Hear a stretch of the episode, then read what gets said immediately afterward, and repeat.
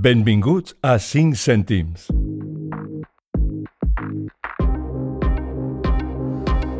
Un podcast per fer un tastet de cultura, fe i actualitat.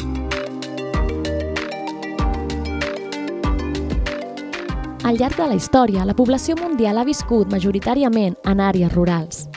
En els darrers segles, i especialment les darreres dècades, però, s'ha produït un gir dramàtic – Doug Sanders, prestigiós periodista especialista en ciutats, demografia i migracions, va dir que el segle XXI serà recordat com el moment que la humanitat va esdevenir una espècie totalment urbana.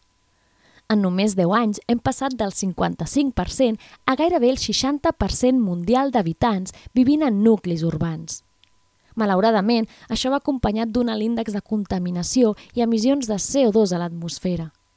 Tanmateix, opina el divulgador científic Gregori Ramon, a les ciutats no només hi conflueixen els problemes, sinó també les solucions que, fruit del coneixement i la innovació, poden ser implementades per millorar la situació. De fet, la història ens diu que les ciutats que prosperen són les que millor saben adaptar-se als canvis de paradigma per navegar els problemes del seu temps, com bé assenyala Enric Vila al seu article Ciutats perdudes.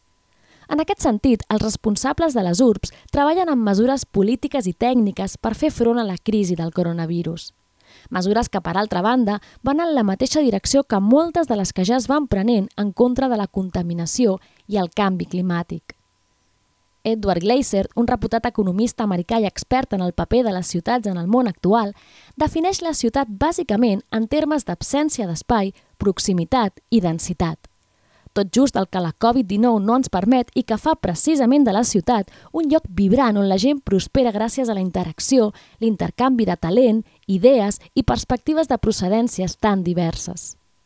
Què tenen d'especial les ciutats que funcionen com a pol d'atracció i juguen aquest paper tan determinant en la nostra societat? Potser la raó sigui, com diu Glaser, perquè la ciutat és el millor invent de la humanitat? En les darreres setmanes, la Covid-19 ha buidat places i carrers arreu del món, deixant-nos imatges insòlites d'espais urbans completament deserts, amb un aspecte fantasmagòric o fins i tot freqüentats per animals que acampaven tranquil·lament per avingudes buides de gent. De sobte, ens hem trobat respirant un aire net i lliure de contaminació com mai abans havíem gaudit. Tot plegat ha fet que molts considerin necessari començar a repensar les ciutats i entendre que aquestes han de ser un lloc per viure i no tan sols per sobreviure.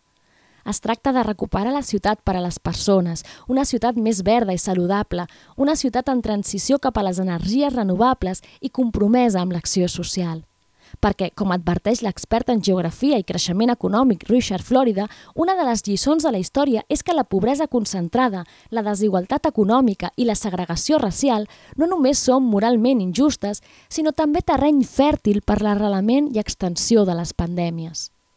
D'acord a Leonardo de Quirico, teòleg i pastor protestant a Roma, les ciutats són teologies urbanes una tesi compartida per Steven Um i Justin Bozart en el llibre publicat en castellà per Publicaciones Andamio «Por qué las ciudades son importantes», en afirmar que les ciutats han estat construïdes sobre aquelles coses en què la humanitat ha tractat de trobar el seu sentit últim.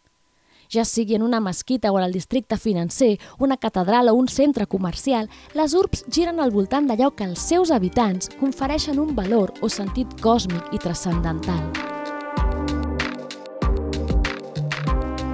En paraules de De Quirico, cada ciutat té una narrativa particular on conflueixen la història, l'estructura social, l'urbanisme, la demografia, el patrimoni cultural, el fet religiós i la visió de futur.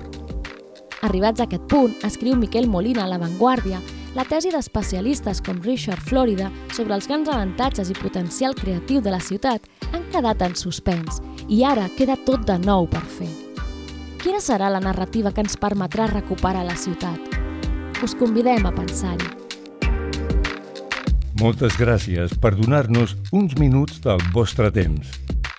I si el que heu escoltat ha estat d'ajuda o creieu que pot ser d'ajuda per algú altre, us convidem a compartir aquest àudio i continuar la conversa seguint-nos per les xarxes socials i a 5cèntims.cat.